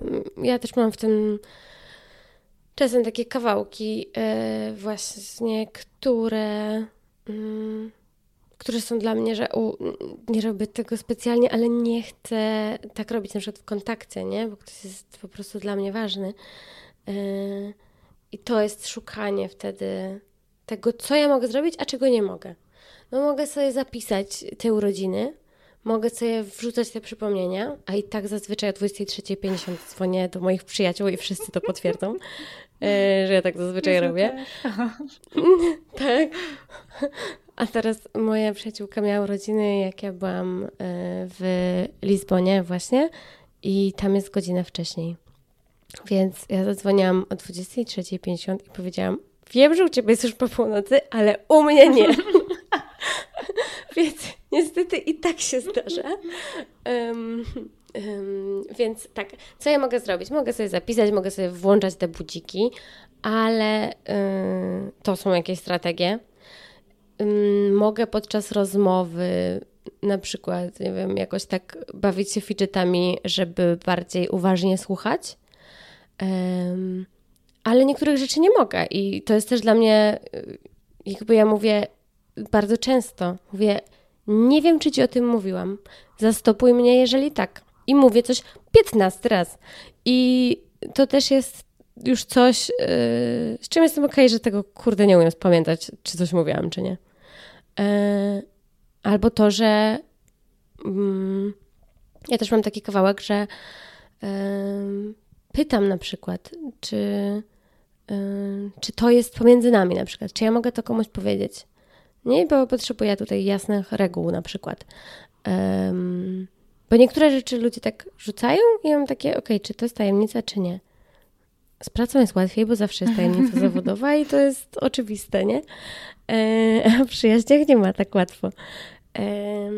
albo też no ktoś mi coś mówi i ja mam takie, nie pamiętam o co chodzi, w sensie wiem, że coś było, ale nie wiem co, poproszę słowa kluczowe, to ja sobie jakoś to przypomnę.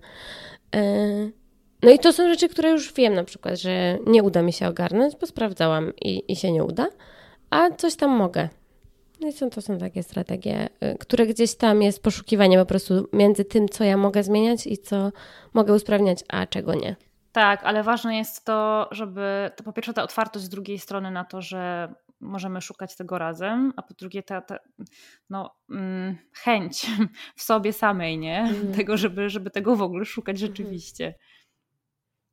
Tak, to prawda. Myślę, że um, myślę, że też naturalne jest na początku takie przejście między dwoma granicami. W sensie, jeżeli najpierw żyjemy w świecie neurotypowym, to staramy się to wszystko zrobić wszystko ogarniać i czujemy się źle, jeżeli nie ogarniamy. I potem, kiedy przychodzi diagnoza, wydaje mi się, że może być takie, takie coś, okej, okay, to ja teraz tego wszystkiego nie ogarniam. I to jest ADHD, to jest mój mózg, to nie jest moja wina. I to też jest zrozumiały etap, nie? Taki, okej, okay, ja całe życie się tak bardzo starałam i kurczę, nie wychodziło mi. No to teraz nie. Teraz już nie, oto są ja już wiem dlaczego nie, oto są moje objawy. Też mi się to wydaje naturalne, jako taki etap, i etap też żałoby, i etap y, trochę buntu, a potem y, jakoś przychodzi ten etap taki, okej, okay, to, to co teraz? To może, może trochę z tego, trochę z tego, może trochę, trochę chcę być dobrą przyjaciółką, nie wiem, chcę, nie wiem, być jakąś tam, być w jakichś rolach, być pilną studentką, być dobrą pracownicą, coś tam.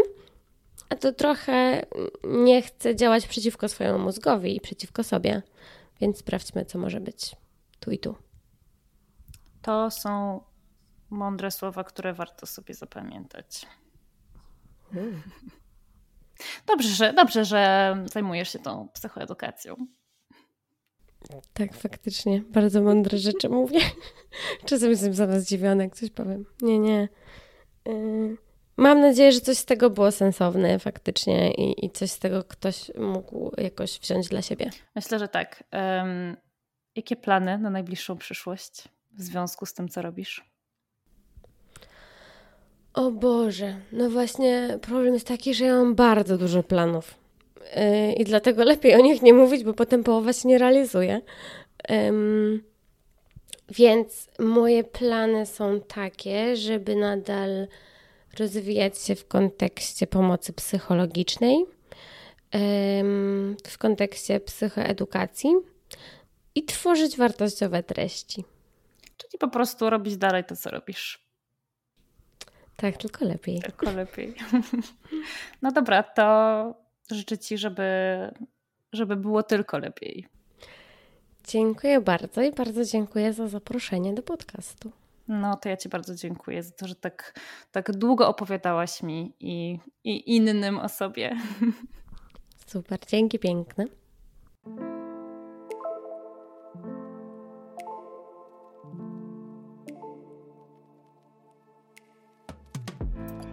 Wielkie dzięki za wysłuchanie tego odcinka. I oczywiście Spotify, YouTube czy TikTok nie powinny być wyznacznikami diagnozy. Ale jeśli to, o czym tutaj rozmawiałyśmy, brzmi dla ciebie podejrzanie znajomo, to mam nadzieję, że zaopiekujesz się sobą i wykonasz pierwszy krok w kierunku pójścia po pomoc, bo każda z nas na to zasługuje. Do usłyszenia w kolejnym odcinku.